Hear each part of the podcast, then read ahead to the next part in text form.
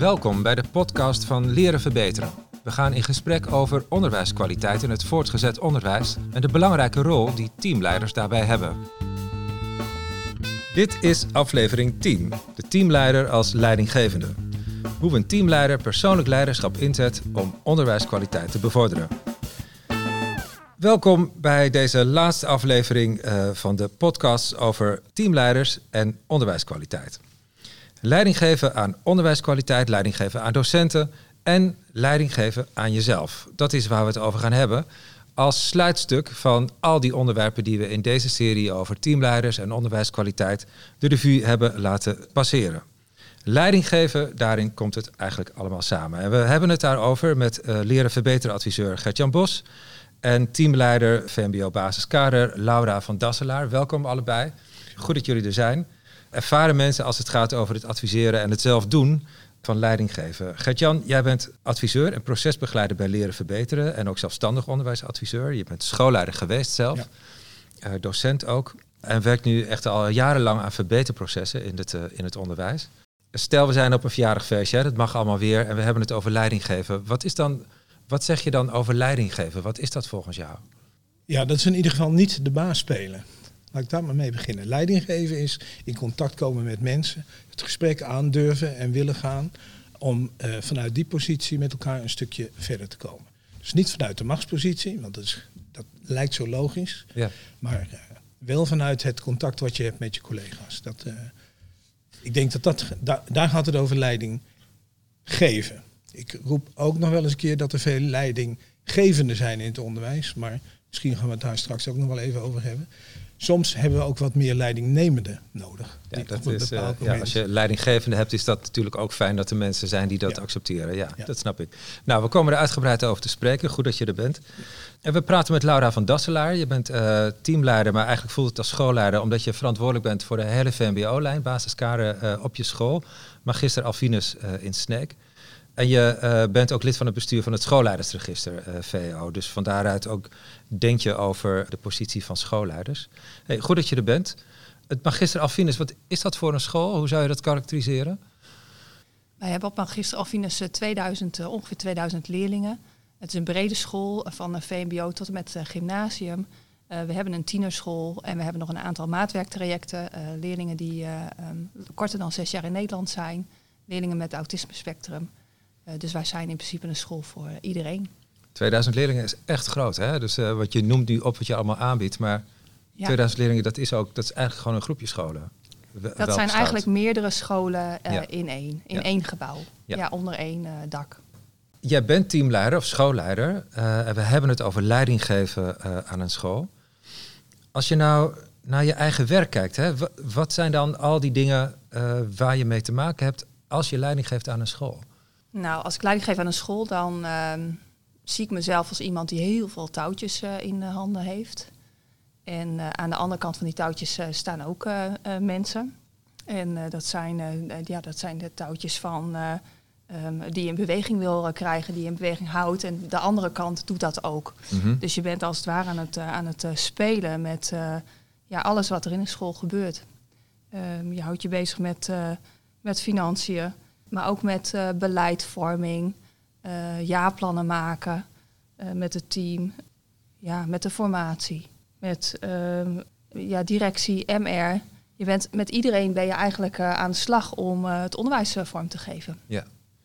En nou gaat het ook specifiek over de kwaliteit daarvan, hè? dus onderwijskwaliteit, dus leiding geven aan onderwijskwaliteit. En we hebben in deze serie gesprekken daar heel verschillende dingen over belicht van lesbezoeken tot uh, leiding geven aan mensen en uh, het zicht krijgen op onderwijsresultaten. Wat, als het gaat over onderwijskwaliteit, wat zijn dan de dingen die jij daarin het belangrijkst vindt? Wat zijn jouw belangrijkste tools daarin als leidinggevende? Nou, als het gaat om onderwijskwaliteit, dan ben ik het liefst op de vloer. Dus dan gaat het over lesbezoeken houden. Dat zijn lesbezoeken die gepland zijn omdat bijvoorbeeld iemand in een eerste jaar zit, hè, omdat hij een beoordelingstraject heeft. Maar dat zijn ook flitsbezoeken. Dus uh, dan plan ik uh, een aantal uren in de week uh, vast in. En dan ga ik door de school heen lopen. En dan duik ik er lokaal in, ongevraagd. Vooraf heb ik dat dan wel aangegeven bij de collega's dat ik flitsbezoeken ga doen, mhm. maar niet wanneer. En ze zijn dat inmiddels gewend en weten dat ik een lokaal in en uit ga en dat ik dan meekijk. Ik vorm mezelf dan een beeld van, niet alleen van die docent, maar ook van hoe het loopt in een, in een les. En ook een breder beeld van hoe de kwaliteit van de lessen zijn. Hm. En vervolgens voer ik gesprekken, nagesprekken met het team of uh, met de collega die bij me komt en zegt: hey, hoe, hoe vond je het? Hè? Wil je me wat teruggeven? Maar ik heb ook veel gesprekken met leerlingen. Dus ik heb uh, klassenvertegenwoordigers waar ik bijvoorbeeld één keer in de zoveel tijd mee een gesprek mee voer. En dan vraag ik ook hoe ze het uh, vinden. En daarmee krijg ik een goed beeld van de onderwijskwaliteit. Hm. Dus echt het, het, contact met leerlingen en docenten, dat is eigenlijk een van jouw belangrijkste instrumenten om, om die onderwijskwaliteit te Nee, om erop te sturen, maar ook om er een beeld van te krijgen. Ja, het is zelf kijken en het gesprek voeren. Ja, ja, ja. mooi. Gertjan, leiding geven uh, aan zo'n school, aan onderwijskwaliteit. Laura zegt, ik, ik, ik hou vooral contact met leerlingen en met de docenten. Dat is een van de ankers eigenlijk hè, van het leidinggeven aan onderwijskwaliteit. Ja, uh, nou werkt Laura op een school waar nu niet zoveel aan de hand is, maar de scholen waar jij komt, daar hebben ze vaak een issue met onderwijskwaliteit. En herken je dat beeld, dat mensen gewoon dan contact willen houden met hoe het er in de praktijk toe gaat? Of ziet het er dan juist anders uit als het allemaal minder goed gaat? Dan ziet het er voor zover we dat zien altijd heel anders uit. Hm. Dan zie je dat de teamleiders, of dus deeltijd, deelschoolleiders, of hoe je het ook noemen ja. Afdelingsleiders, hebben het allemaal voorbij horen komen. ja. Dat, die, dat die vooral bezig zijn met veel organisatorische aspecten van het teamleiderschap. Hm. En uh, laten we zeggen, daar duiken ze zo diep in dat ze de tijd uh, niet meer hebben, of de prioriteit niet meer hebben, om uh, op welke manier dan ook lessen te bezoeken en te kijken naar de kwaliteit van het primaire proces. Dan, dan word je gewaardeerd voor het werk wat je allemaal buiten de lessen doet, maar je kunt nooit meer een ding doen of iets vinden van de onderwijskwaliteit. Dus wat zien we? Dat teamleiders opgaan in de dagelijkse waan, ja. zo je wilt de dagelijkse waanzin. En daardoor geen tijd meer hebben of geen prioriteit meer hebben om echt daadwerkelijk met de collega's het gesprek aan te gaan en daar over de onderwijskwaliteit te praten. En te kijken hoe je met elkaar kunt verbeteren, ontwikkelen, welk woord dan ook. Dus als het slecht gaat, dan raken mensen uit contact eigenlijk? Uit contact, ja. En, en met wat voor dingen vult zo'n dag van een leidinggevende zich dan? Door wat voor dingen laat je dan afleiden? Wat zie je dan gebeuren? Nou, ik zie op veel scholen dat teamleiders zich dan echt in het, uit, op het operationele vlak gaan begeven en zich vooral gaan bezighouden met de leerlingen. Ook wat ze altijd al gewend waren. Zeker als ze uit de school omhoog zijn gekomen. Hè. Ze zijn docent geweest, worden teamleider. Wat kennen ze het beste? De leerling. Ze weten ook goed hoe ze met leerlingen om moeten gaan. En dan zie je dat ze daar hands-on met de leerlingen bezig zijn. In plaats van de collega's weer mee te nemen en de leerlingen weer terug te leggen bij de collega's. Ja, en dan gaat dan je dag in op. Ja. En het is, ik kan wel zeggen, ja, makkelijk zeggen dat je dit anders moet doen. Maar er zijn natuurlijk momenten dat je echt met die leerlingen aan de gang moet. Ja. Maar dan zijn dat echt situaties waarbij jij als teamleider aan het werk moet en niet altijd alles op moet lossen voor de collega's. Ja. De bal moet naar mij, wat mij betreft weer terug naar de collega. En daar zit ook een stuk wat ik dan noem onderwijskundig leiderschap in. Hoe krijg je de collega's weer mee in het zelf verantwoordelijk zijn voor wat er in de klas gebeurt en met de leerlingen gebeurt. Laura, heb jij ervaring met het werken in een, uh, in een verbetertraject? Uh, nu is dat geloof ik niet aan de hand op je mhm. school, hè? maar heb je die ervaring? Ja, ja ik ben 4,5 jaar geleden gestart op de RSG. En uh, daar lag een kwaliteitsvraagstuk. ik was ook vrij vers teamleider, dus... Um, en ik heb daar ervaring mee, want, want ja, we moesten de kwaliteit op dat moment verbeteren. Um, ik ben aangenomen met de opdracht, maak van het team weer een team en, en kun je zorgen dat de kwaliteit beter is. Nou, toen ik begon zag ik ook wat Gert-Jan schetst. Ik, ik, zat in mijn kantoor en er komen docenten binnen en die geven aan, uh, ik heb een telefoon afgepakt van een leerling en uh, hier heb je hem. Uh, tot ik erachter kwam dat daar een hele lijn voor is. Dus dat ze die telefoon bij een receptie in moeten leveren en dat die dan daar tot vier uur ligt. Maar ze kwamen bij mij. Dus ik vond dat interessant. Ik denk, wat is, wat is dat nou? En als je dat dan nog niet weet, dan pak je dat wel op. Want je denkt dat het altijd zo gewerkt heeft. Dus ik merk. Dat is misschien ook wel zo. Dat is misschien ook wel zo, ja. Dus ehm, nou, en dan doe je dat en dan merk je dat je aan andere dingen niet toekomt. En uh, langzamerhand leer je steeds meer over de organisatie. En dan zie je dat het ook anders kan. En uh, um, ja, dus dat uh, pak je dan aan en dan ga je dan mee, mee aan de slag. En dan zorg je ervoor dat je de volgende keer op voorbereid bent. Ja. je hebt een, een, collega, en dat is Karin Brevoort. En zij is eigenlijk nog maar net teamleider geworden. En weet dus ook nog heel goed hoe het was uh, toen ze docent was. Uh, en wat het verschil is met haar teamleiderrol nu. En dat is leuk om even te horen hoe ze daarop terugkijkt en hoe ze dat verschil omschrijft. Dus Karin Brevoort. Ik denk dat je als docent dat dan je voornaamste taak toch wel is kennisoverdracht. Je bent heel erg bezig met onderwijs. Hoe breng je kennis over? Hoe geef je les? Hoe sta je ervoor? En je bent veel bezig met mentoraatzaken. Je bent echt heel erg leerlinggericht, oudergericht, vakgroepgericht. En het teamleiderschap is niet alleen gericht op onderwijs. Maar ja, dat is veel breder. Er zit van alles bij. Er zitten personeelszaken bij, hè, formatie, lesbezoeken, personele aangelegenheden. Er zitten financiën bij, budgetten, begrotingen. Ja, het is veel meer organisatiegericht ook en op de lange termijn. Dus het is, vind ik, uh, veel breder dan het docentschap. Het is zo ontzettend divers. Uh, als je kijkt naar je agenda, wat voor verschillende afspraken erin staan. En dan alle dingen die nog, uh, nou ja, per ongeluk op je bureau komen, zou ik bijna zeggen. Ja, dat, dat is wel wat ik heel erg interessant vind. Ja, dat is mooi. Hè? Karin uh, zegt, ja, als docent ben je heel erg in de weer met leerlingen en met je klas. Eigenlijk wat jij net ook al zei, Gertjan. Uh, en als teamleider let je op veel meer dingen. van financiën tot en met personeelsbeleid. En is je blik eigenlijk ook wat verder weg. Hè? Dus je moet ook wat verder vooruit kijken. Dat is ook wel mooi dat ze dat zo omschrijft. Herken je dat, Gert-Jan? Is, is dit wat teamleiders uh, moeten leren, ook als ze aan het vak beginnen? Ja, dat moeten ze zeker leren, ja. Hm. Dat moeten, ja, en, en, en er is geen opleiding voor. Nee, dus waarom eigenlijk niet? ja. ja, er zijn middenmanagement cursussen en die leren allemaal dingen die je laten we zeggen, het, het goede gesprek voeren, slecht nieuwsgesprek, allemaal dat soort issues. Maar de, de dagelijkse praktijk is anders dan wat er in de boek staat. Dus je moet leren om in contact te komen en te blijven met mensen. Om mensen te durven en kunnen aanspreken. He, want het is, eh, eh, als je teamleider wordt, dan, ja, als je, als je docent bent, dan zit je in een peergroep, zo noem ik het maar even, in de peers kun je praten wat je wil. Maar op het moment dat je teamleider wordt, dan stap je ook uit de peer. Ja. En dan wordt het op een gegeven moment ook anders omdat je dan met een collega waar je altijd koffie mee hebt gedronken, of misschien wel het café in bent geweest om een biertje te drinken, kom je in een andere positie. En hoe, hoe doe je dat? Hoe zorg je er nou voor dat je leiding gaat geven of leiding gaat nemen over een collega waar je al jarenlang mee in gesprek bent geweest? Je, is dat, vind je dat een gelukkige zaak dat het nu al heel vaak gebeurt, hè? dat je als docent op je eigen school doorstroomt naar teamleider?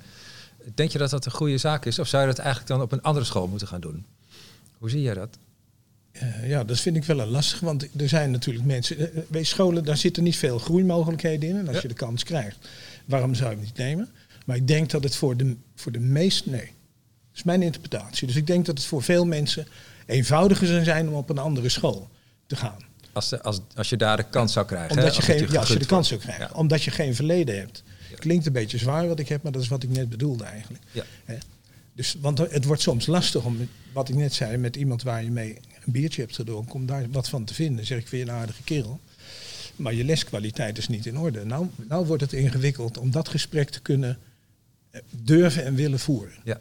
Dus ik, als ik overweeg te denken, nou, het is, ik denk dat het handiger zou zijn als je op een andere school als teamleider begint.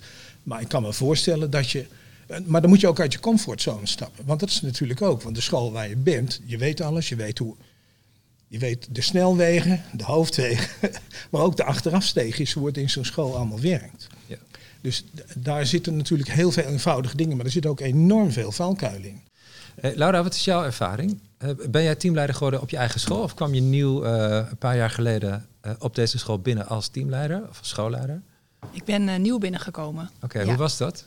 Ik ben nieuw binnengekomen in een groep van uh, teamleiders die, daar, uh, die, die ook uh, die wel uit, het, uit, het, uit de school kwamen. die zijn teamleider geworden vanuit docentschap. En ik ben binnengekomen en heb wel echt het gevoel dat ik met frisse ogen kon kijken. Ja, dat werd ook gewaardeerd. Dus dat werd ook echt wel nou, gezien. En er werd ook wel gevraagd om en wat zie jij dan? En dat heeft een beperkte houdbaarheid, denk ik. Op een gegeven moment ben je ook onderdeel van het, van het meubilair. Dus het is wel mooi dat de school gebruik heeft gemaakt van, uh, van, van, van mijn frisse blik. Ze hebben er veel om gevraagd. Ja. En nou, daarin voel ik me wel echt gehoord, ja. Ja. Jouw collega, hè, Karin uh, Brevoort, naar wie we daarnet even luisterden, die vertelt ook nog hoe ze in die begintijd moet proberen om zichzelf een beetje te organiseren en uh, al die dingen die op haar afkomen, een beetje te overzien en zicht te houden op wat ze eigenlijk moet doen. En uh, agendabeheer was voor haar wel een goede sleutel om daarover na te denken. Dus laten we nog even naar Karin luisteren, hoe ze dat ervaren heeft. Wat is het meest belangrijk? Er komt heel, ik heb een heel groot team. Ik heb heel veel leerlingen in mijn afdeling. En het is dit jaar ook best wel heel erg druk geweest uh, op allerlei gebieden binnen onze afdeling. En om dan elke keer weer prioriteiten te stellen, um, zelf je rust en uh, vrolijkheid behouden in de waan van de dag. En daar heb ik wel echt mijn weg in moeten vinden. En ik heb dus ook een heel strak agendabeheer, zeg maar. Want anders dan merk ik gewoon van, dan willen te veel mensen wat van me en dan, dan dan loop je over. Dat komt niet goed. Dus ik begin echt op tijd. Ik zit om kwart voor acht op, op uh, school. Maar van kwart voor acht tot half negen werk ik mijn, uh, mail bij. En op het eind van de middag doe ik dat ook, een uurtje. Het is best wel een beetje een drukke baan. Hoe ga ik dit aanpakken? En een heel strak agendabeheer heeft me daarin geholpen. Maar dat is wel ingewikkeld. Want er zijn echt heel veel mensen die even aan je deur komen. En dat is wel heel gezellig. En soms moet je er gewoon zeggen van, oh, maak even een afspraak. Dan heb ik echt de tijd en aandacht voor je. Ja, mooi. Dus eh, dat is nog echt wel een mooie illustratie van wat er allemaal op je afkomt als je één keer in die rol van teamleider uh, stapt. Dus dit gaat over leiding geven aan, uh, je zou zeggen, onderwijskwaliteit van de school. Hè? maar wat we net ook al zeiden, wat me interesseert, is dat leiding geven aan docenten. Want uh, dat is natuurlijk nog weer een hele specifieke tak van sport. En dan wordt het allemaal persoonlijk. Dus dan moet je zelf ook wel van goede huizen komen. Eigenlijk wat jij net zei, Gert-Jan. Mensen uh, die je nou, misschien vroeger als collega-docent, maar sowieso als collega kent. Met wie je het goed kunt vinden, of wat minder goed, maar in ieder geval met wie je collegiaal omgaat. En waar je dan iets van moet vinden. Dus hoe doe je dat nou, dat je een prettige collega bent, ook als teamleider? Uh, te, en toch ook uh, de moed kunt opbrengen om ze op een goede manier tegen het licht te houden en ze feedback te geven die, uh, ja, waar ze hopelijk af en toe van wakker liggen. Ja. Wat vraagt dat van je? Ja, moed volgens mij. ja. Dat vraagt, vraagt een zekere moed om dat te doen wat je eigenlijk niet gewend bent, om een collega aan te spreken. Als je het hebt over, ja, wat ik net zei, je komt uit het team en dan om die collega aan te spreken, Terwijl dat ook je rol is, hè? want je bent schoolleider of afdelingsleider geworden. Dus jouw primaire opdracht is wat mij betreft uh, zorg voor de kwaliteit van het primaire proces. En dan mag je er wat van vinden van, van een collega op een bepaald moment. Ik vind altijd wel dat je met collega's het gesprek moet gaan voeren over nadat je in de les bent geweest, want anders kun je nooit oordelen. Als je niet weet hoe iemand voor de klas staat, in de klas is, hoe die zich beneemt ten opzichte van zijn leerlingen. Dus dat moet je in ieder geval doen, zodat je een beeld krijgt en zicht krijgt op die collega. En dan hoop je dat hij ook wat reflectief vermogen heeft, zodat hij aan het werk gaat met de feedback die hij krijgt. En als hij aan het werk gaat, dan zie je ontwikkeling en dan kun je het daar met elkaar over hebben. Maar er zijn ook collega's die maken die ontwikkelingsstap niet. Ja, en dan wordt het uh, ingewikkeld. En dan moet je als teamleider wel, daar moet je wat mee. Wat je daarmee moet, ja, dat is uh, nog wel eens even kijken hoe je dat met elkaar kunt doen, wat het beleid is van de school, hoeveel ruimte de school heeft. Ik weet niet of Laura dat zelf mee heeft gemaakt. Ja, ik vind het, uh, het, heeft, het heeft voor mij uh, zijn er twee dingen belangrijk dan. Dat is spreek je onderbuikgevoelens uit. En uh, je, je, vaak, vaak merk je wel dat er dingen spelen, je ziet dingen, je hoort dingen. En ik spreek dat uit en loop daarbij wel het risico op een conflict. Ja. En dat is iets wat ik, wat ik weet. Maar ik merk heel sterk hoe. En, en daar, daar ben je lerende in. Als je net begint als teamleider, is dat erg moeilijk. Maar dat, dat, ja, als je daarin groeit, dan merk je dat dat een positief effect heeft. Mensen krijgen vertrouwen in het feit dat je ze hoort. Mensen krijgen vertrouwen in het feit dat je uh, met ze meedenkt. En dat, uh, dat helpt ze in hun ontwikkeling. Ja. Ja. Um, verder vind ik het heel belangrijk, practice what you preach. Dus als je ontwikkeling wil, ontwikkel jezelf dan ook. En als je wil dat er verbinding komt, verbind dan ook. Wil je dat uh, mensen elkaar kritisch aanspreken, dan zal je je collega's ook en je medewerkers ook kritisch moeten aanspreken. En je moet kunnen uitleggen, naar mijn idee, waarom je de collega aanspreekt op. Het gaat natuurlijk over het grotere verband. Hè. Het is niet dat je een hekel hebt aan een collega, Nee. maar het gaat erom dat je, wat zet je in het midden? Ja, we kunnen, eh, elke, elke leerling heeft recht op goed onderwijs. En als dat het gesprek is wat je voert en daar wat van vindt, dan heb je ook, laten we zeggen, de, de achterliggende grond of de, de, de, ja, hoe zeg je dat eigenlijk? De basis waarop je het, het, de, de feedback geeft aan een collega. En waarom je dus ook iets mag vragen van hem. En dan is niet de vraag of, die, of hij of zij het gaat doen, maar dat we eens gaan kijken hoe je dat voor elkaar krijgt om die groei door te maken, zodat die kinderen krijgen waar ze recht op hebben. Ja, de belangrijkste waarden zijn dan nieuwsgierigheid en gelijkwaardigheid eigenlijk. hè. Het, het gesprek voer je vanuit gelijkwaardigheid en je bent heel nieuwsgierig naar wat iemand eh, drijft of nodig heeft. Zeker. Ja, dan, dan, dan hoop je ook dat zo'n collega, want we zoeken naar effectief onderwijs, zeg maar even, hè, maar dan hoop je ook dat een collega en dat je zelf als teamleider ook dat zelfreflectieve vermogen hebt om te kijken van wat, wat gaat er nou goed en wat kan ik veranderen en hoe kan ik dat eh, voor elkaar krijgen. Dat is nog een lastig ding, hè? hoe doe je dat nou eigenlijk? Maar, maar dan moet je wel iets met zelfreflectie doen. Soms geholpen, doordat iemand je een spiegel voorhoudt. Ik hoop ook altijd dat de gesprekken die na aanleiding van een lesbezoek gedaan worden, spiegelende gesprekken zijn.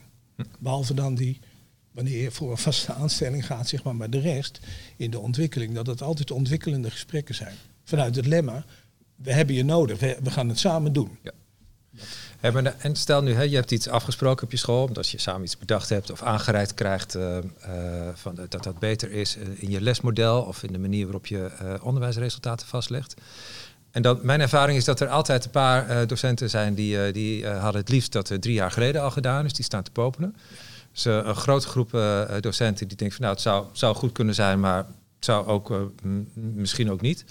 En dan zijn er een paar mensen die zeggen van ja, dit is echt het allerlaatste waar je aan moet beginnen. Want hoe, hoe slecht is dit? En, eh, en het maakt niet uit waar het over gaat. Hè. Het zijn steeds verschillende mensen. Het zijn heus niet altijd dezelfde mopperkonten, die, eh, want dan is er iets anders aan de hand. Maar hoe zorg je er nou voor dat zo'n team als team ehm, een beetje in beweging komt? Dat je ook oog houdt voor die verschillende manieren waarop mensen erin staan. Hoe doe je dat? Nou, misschien kan ik daar een praktisch voorbeeld van geven. Ik heb, eh, ehm, als het gaat om de zelfevaluaties van de mensen, dus de gesprekkencyclus, ehm, merkte ik dat dat voor het team, zeker in onze ontwikkel, ontwikkeling die we moesten doormaken, niet eh, goed voelde. Het was meer een beoordelend gesprek. We hadden een gesprekkencyclus, elk jaar één gesprek. Eerste jaar een startgesprek, tweede jaar een voortgangsgesprek, derde jaar een beoordelingsgesprek. Eh, er was veel meer behoefte aan ontwikkelgesprekken. Ehm, dat merkte ik. Ik ben ermee gaan spelen. Er was één collega die wilde bijvoorbeeld een spel spelen. Er zijn spellen op de markt waar je, eh, waar je ontwikkelgesprekken mee kan voeren. Dat hebben we gedaan. Ehm, een ander die wilde het op een andere manier. eh, hebben we gedaan. En ondertussen kwam er steeds meer een lijn in. Eh, wat ik vervolgens van, van de mensen gevraagd heb, is om eh, zelf op een ontwikkelgesprek te komen met een zelfevaluatie. Dus een, een, een vragenlijst om de leerlingen. En ook een collegiale consultatie. Dus om ook eh, van twee collega's terug te vragen van wat vind je van mij en mijn lessen en hoe doe ik het en heb je voor mij tips en tops. Om dan vervolgens zelf met een analyse te komen van ehm, ja, waar, waar ben ik eigenlijk trots op? Want dat is ook heel belangrijk, daar kun je veel van leren. Eh, en waar zitten mijn ontwikkelpunten? En daar gaat dan zo'n ontwikkelgesprek over met mij. Nou, dat, daar, daar st- stonden mensen verschillend in. En op het moment dat iemand daarin nog niet mee kan komen of dat niet wil, eh, of bijvoorbeeld zo'n zo'n zelfevaluatie niet wil afnemen, omdat hij toch het gevoel nog heeft dat dat beoordelend werkt, dan ga je met diegene dat gesprek aan. En dan over wat houd je dan tegen of wat weerhoud je dan? Nou, die specifieke collega die dat aangaf, daarmee heb ik afgesproken dat hij een eigen manier van evalueren gebruikt. Ehm, en dan ga je samen ga je daarmee verder. Dus je, je ja. beweegt dan mee hè, met de manier waarop mensen het liefst gespiegeld willen worden of beoordeeld. En, eh, en je respecteert ook de grenzen daarin. Je zet wel een lijn Ja. uit en je wil wel een bepaalde beweging maken. Dus die beweging die eigenlijk presenteer je van dit is de beweging die we willen maken. Ik wil heel graag dat je zelf de regie houdt op je eigen ontwikkeling of krijgt. Eh, daar wil ik een ontwikkelslag in maken. Dat gaan we doen op Mhm. een manier. Ik stel voor dat we dat op deze manier doen. En jij mag input geven als jij zegt het lukt me niet of dat lukt me nu nog niet. Ja. En dan ga ik mee bewegen. Ja. Hoe luister jij hiernaar, Gertjan? Nou, bottom line hoor ik niet vrijblijvend, maar wel alle ruimte om die ontwikkeling zelf te maken. Ja, niet vrijblijvend is ook belangrijk. Dat is hè? heel belangrijk. Dus de collega die zegt, Ja. nou dat beoordelen hoeft niet zo van mij, dus ik sla een keertje over. Ja. Die smaak hebben we niet. Die smaak hebben we niet. Nee, oké. En daar komt dan het leiderschap om de hoek. Hè, van dit is, zijn de kaders waarbinnen we bewegen. Ik nodig je uit om mee te doen. Alsjeblieft, doe mee op jouw manier. Maar we gaan het wel doen. Ja. Dus niet of je het gaat doen, maar hoe we het gaan doen. Ja. En daar heb je, ja, heb ik al een keer gezegd, moet voor nodig. Zeker als je begint als teamleider, maar ook als je wat verder bent. Ja. Blijft, blijven de lastige gesprekken. Ja, denk ik. Ja. Ja, we hebben het nu over ehm, hoe je als teamleider leiding geeft aan, eh, aan je docenten en aan de school. Eh, maar er is nog eh, iemand anders aan wie je leiding moet geven als teamleider en dat ben je zelf. Want je hebt het allemaal maar te doen en eh, je moet zicht hebben op je eh, eigen kwaliteiten en eh, nadenken over hoe je dingen doet en of het dan niet anders kan. En, en dat is wat je ehm, in boeken tegenkomt als persoonlijk leiderschap. En we hebben voordat we dit gesprek ingingen met ehm, Martijn Meerhof gesproken. Hij is net gestopt als rector van Alaska in Amsterdam. En hij vertelt wat persoonlijk leiderschap voor hem betekend heeft in zijn werk. Ehm, volgens mij gaat persoonlijk leiderschap gaat heel erg om zelfkennis en vanuit wat je zelf kan en wil, wat je ambities zijn, ehm, zoeken naar hoe je effectief kan zijn. Daar moest ik meteen even aan denken. Ehm, als teamleider ga je start je na jaren docentschap waarschijnlijk, eh, waarin je een soort van persoonlijk leiderschap hebt ontwikkeld in een formele positie waarbij er best weer iets verandert. En misschien groei je wel door naar een senior teamleider, een conrector en rector. En bij al die punten moet je steeds nadenken over in deze organisatie, vanuit deze rol, wat is eigenlijk de basis van mijn leiderschap? En wat is de basis van mijn, eh, ook van mijn autoriteit in dat leiderschap? Ben ik de inhoudelijke leider? Ben ik iemand die juist heel het proces managt? Eh, ben ik iemand die heel op hoofdlijnen zit? Of is dat hier nu niet nodig? Omdat juist er op detailniveau of op, op intermenselijk niveau echt een cultuurinterventie nodig is. Het vraagt zulke andere dingen van je, dat als je daar niet heel scherp bij de les bent, ehm, kun je heel snel een soort mismatch veroorzaken tussen je persoonlijk leiderschap en wat de organisatie vraagt. Dus dan, dan toch weer het situationele waar het, eh, waar het om gaat. Ja, dat is eh, Martijn eh, Meerhof. En hij, ehm, ja, hij zegt, het, het gaat er dus heel erg om dat je heel goed kijkt, wat heeft de school van mij nodig? En dan vervolgens ook, kan ik dat brengen? Hè? Of hoe kan ik dat brengen? Dat persoonlijk leiderschap gaat natuurlijk, ja, legt de nadruk dan op die vraag, wat, wat heeft het van jou nodig en wat, eh, wat heb jij te doen? In de context waar je in zit. Gert-Jan, wat is, wat is voor jou belangrijk aan het persoonlijk leiderschap? Eh, ja, veel aspecten, maar een van de Mhm. belangrijkste vind ik dat je integer bent. Hè? Ben je, om met dat woord maar te beginnen, eh, kun je vanuit jezelf de dingen doen en verantwoorden waar je mee bezig bent. Zet je de juiste dingen in het midden, zet je de school in het midden en kun je dan kijken vanuit die positie, vanuit jezelf van dit is goed voor de school en hier ga ik in mee en hier ga ik niet in mee. Je wordt soms zo verleid dat je dan iets aangeboden wordt waar je dan ook nog wel eens een keer bevattelijk voor bent, maar waar je van denkt, wacht even, dit moet ik helemaal niet doen, want dan word ik in één keer onderdeel van het systeem. Dus hoe hou je jezelf nou overeind vanuit je eigen, vanuit je eigen meerwaarde, vanuit je eigen waarde en kun je dan ook verantwoorden, de dingen verantwoorden die je aan het doen bent. Maar Dus heb je- integriteit. Maar komt dat veel voor naar jouw idee? Dus dat je een, eh, een smartwatch krijgt eh, bij een kopieerapparaat en, eh, en dat dat dan de reden is dat je hem koopt? Ik weet niet of het veel voorkomt. De verleidingen liggen op de hoek. Kan dat Als je daar gevoelig voor Als bent, je daar gevoelig voor dan bent. kan je daardoor en dat is niet alleen, laten we zeggen, de vertegenwoordiger die komt met de smartwatch. Nee. Maar dat kan natuurlijk ook in een situatie in school zijn. Want je bent natuurlijk met elkaar ook verantwoordelijk. En soms ook Ja. afhankelijk van elkaar. En hoe, in hoeverre kun je onafhankelijk opstellen ten opzichte van alle andere collega's Nou ja, die er zijn. Die docent met wie je biertjes dronk, hè, waar we het eh, eerder over hadden, eh, die kan ook dingen van je vragen waarvan je denkt van, nou ja, ik vind eigenlijk van niet, maar laat ik het dan Doe maar, maar doen. dan. Ja, Of manier- schoolleider die, of, of de directeur die iets waarvan je denkt, nou, nou, nou is dit nou goed voor de school. En hoe ga ik erin mee? Ja. dat. Ja, dus in die zin, integriteit, persoonlijk leiderschap liggen dicht bij elkaar. Je moet jezelf kunnen blijven uit kunnen leggen aan jezelf wat je aan het doen bent. Ik noem het maar verantwoorden. Hè? Vanuit jezelf, vanuit de waarden en de normen die je mee hebt gekregen. Maar betekent dat dan, Laura, dat je voortdurend ook jezelf zo moet checken op eh, waarom doe ik dit? En ehm, eh, de- klopt het eh, wat mijn neiging is? En klopt het dat ik dit zo doe? Nou, ik ben wel aan het wikken en wegen. Vaak aan het nadenken over wat is goed voor mij. Want ik ben ook onderdeel van het team en van de school. Wat is goed voor het team? Wat is goed voor de school zelf? Eh, we hebben natuurlijk een eh, schoolplan. Eh, dan hebben we jaarplannen. En wat wel misschien wel heel mooi is om te vertellen, is dat onze directeur bedrijfsvoering uh, twee jaar geleden is begonnen met, of die heeft ons eigenlijk laten zien hoe je een jaarplan op 1 A4 kan krijgen. Hm. Daardoor kon je heel kort en krachtig een focus van een, van een team beschrijven. Dat hebben we ook gedaan en dat helpt mij dan weer om keuzes te maken. En voor mij gaat persoonlijk leiderschap dan ook over het maken van die keuzes en het accepteren van de consequenties. En ik kan dat doen omdat ik in het jaarplan een hele duidelijke focus heb aangebracht. Dus wij willen ontwikkeling voor het team. En daar zit ook ontwikkeling van mezelf bij. dus zo ben ik vandaag dus hier uh, bij de podcast. Uh, en ben ik morgen uh, buitenschool vanwege een opleiding.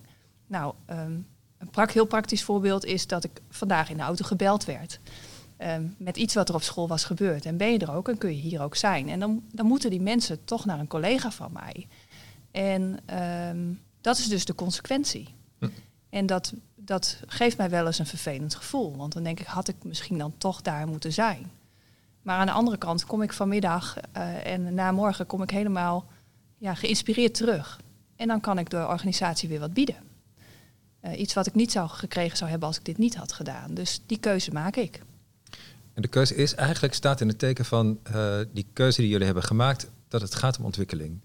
De keuzes die ik maak, die zijn dan in lijn met het, uh, eigenlijk met het jaarplan ook. En met, uh, ja, met de weg die we aan het bewandelen zijn. De beweging die we willen maken. En die zit bij ons op uh, kwaliteit en ontwikkeling. Ja. ja. ja. En dat bereik je niet door elke ochtend naar je bureau te fietsen en te kijken wat er voorbij komt. Nee, als ik, als ik op mijn bureau blijf zitten, dan weet ik zeker dat ik de hele dag heel hard werk. Maar of ik de goede dingen doe, dat is de vraag. Ja. ja. ja. Vind je dat lastig om er dan niet te zijn? Dat, uh, dat zeker vind ik dat lastig. Want er wordt wel, ja, dat, dat vraagt wel, ja, er wordt, er wordt zeg maar wel aan je, aan je uh, uh, getrokken in die zin. Dat, dat voel ik. Ja. En um, het is een soort tweestrijd. En ook een beetje ga je voor jezelf. Persoonlijk leiderschap, dan doe je toch iets voor jezelf. En tegelijkertijd doe je iets voor de organisatie. Maar het voelt ook een beetje als jezelf. Ja. En ja, en de ander die zegt, die, die ziet het alleen maar dat je weg bent misschien wel. Maar die ziet niet wat je daar aan het doen bent en wat je dan ook als resultaat weer krijgt. Dus dat moet je ook wel kunnen verantwoorden, vind ik. Je moet wel kunnen vertellen wat het je oplevert. En dan ook vervolgens dat weer de organisatie inbrengen. Ja. Dat heeft iets te maken met uh, zelfreflectief vermogen, heb ik al eerder gezegd. Hè. Maar ook met dat je, dat je het in het grote geheel kunt plaatsen en uit kunt leggen waarom je de keuzes maakt die je maakt zolang je het uit kan leggen, kun je daar ook mensen. Daar hoeven het niet altijd over eens te zijn, hè, maar je kunt wel vertellen waarom je deze keuze gemaakt hebt. En dat vind ik ook wel belangrijk in persoonlijk leiderschap, dat jij uit kunt leggen waarom jij de keuze maakt. Of je het er nou mee eens bent of niet, dat is een tweede, maar het is in ieder geval uitlegbaar, verant verantwoording af te leggen. Ja. ja. en daarvoor is het belangrijk dat in de organisatie hele duidelijke afspraken zijn over de richting die je opgaat. Ja. Dus, uh, en dat moet ook duidelijk zijn. Dat moet heel duidelijk zijn, want dan kan je daarbij aansluiten. Als dat niet helder is, dan doe je allemaal dingen en dan krijg je verwarring. Hey, en hoe werkt het ja. aan de andere kant op? Want we hebben het nu over persoonlijk leiderschap en hoe je dat ook een beetje afbakent uh, uh, met de mensen aan wie je leiding geeft.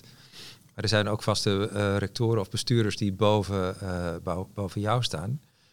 Dus hoe baken je dat dan af? Stel een bestuurder zegt van nou, we hebben, dit is het jaarplan van de hele organisatie. Uh, dus dat betekent nu voor jou als teamleider of schoolleider dat ik dit en dit van je verwacht. En jij denkt nou, ik snap dat het kan, maar het lijkt me niet de beste keuze. wat betekent integriteit en persoonlijk leiderschap dan in zo'n context? Durf je, wil je, kan je het gesprek aangaan met die leidinggevende? Net zo goed als je dat, het klinkt een beetje, maar je, je moet ook de moed hebben om met je docenten in gesprek te gaan. Dus je zou diezelfde moed ook moeten hebben, wat mij betreft, om met je leidinggevende, welke dan ook, in gesprek te kunnen gaan. En ook weer vanuit de gedachte van, is dit goed? Laten we het gesprek gaan. Is dit goed voor de school? De keuzes die je maakt.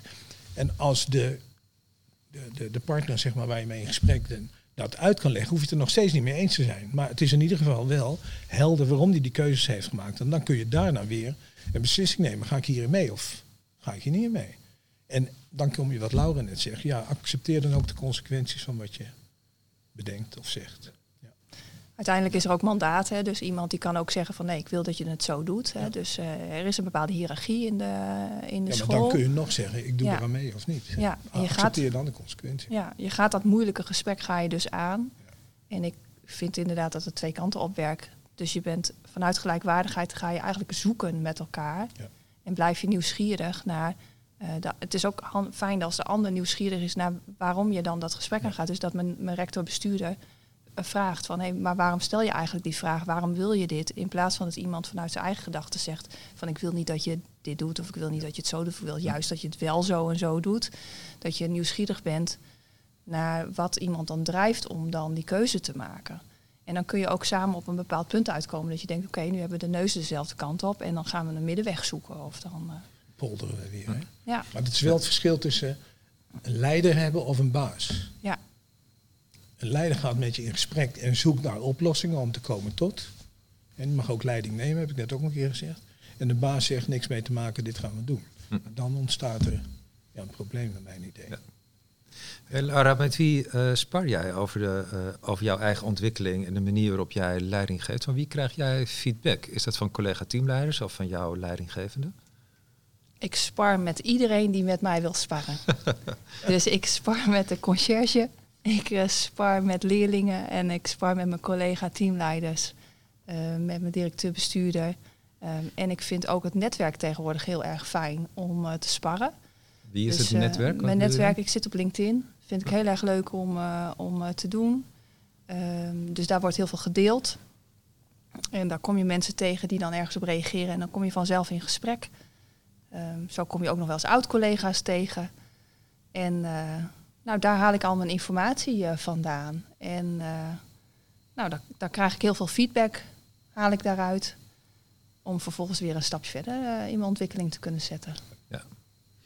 Eh, eh, Gert-Jan, als jij eh, met scholen werkt die in zo'n verbetertraject zitten, meestal word je daar niet ontvankelijk en open van, maar een beetje defensief. Tenminste, dat, dat is een reactie die ik bij mezelf wel bespeur. Als mensen zeggen, ja, dat klopt niet helemaal wat je daar aan het doen bent, dat zou ik anders kunnen, dan ga ik uitleggen waarom ik het toch doe zoals ik het doe. Hoe, hoe werkt het nou bij leidinggevenden die in zo'n verbetertraject zitten? eh, en als je dat, kijk, als er niks aan de hand is, is het echt heel leuk om met iedereen te sparren die Ja. maar iets over je vindt. Hè? Want je kan het doen vanuit de zekerheid dat het allemaal wel zo'n beetje snor zit.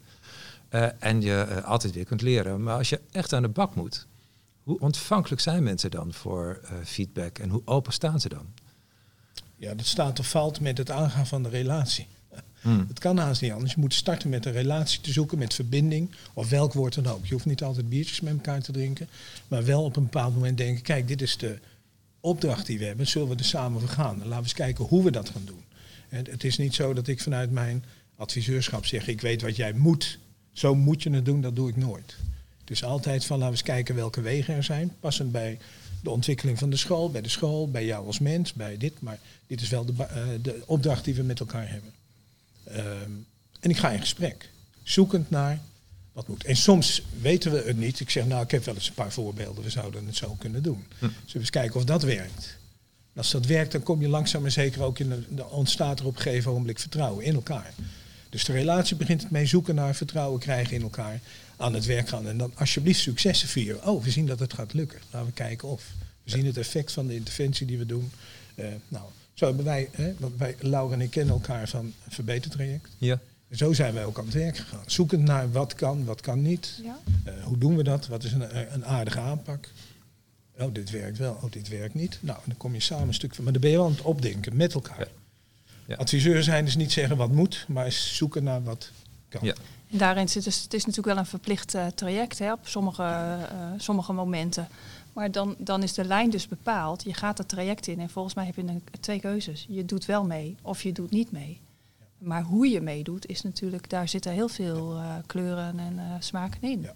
Wat heb jij eh, als teamleider toen geleerd uit die periode dat, eh, eh, dat je met Gert-Jan werkte aan het verbetertraject op je school? Ehm, je dat nou, terughalen? Een, hele- een heleboel. een heleboel. Het hele vak. Ja. Ja. nou wat ik geleerd heb is dat ik eh, soms te snel wilde.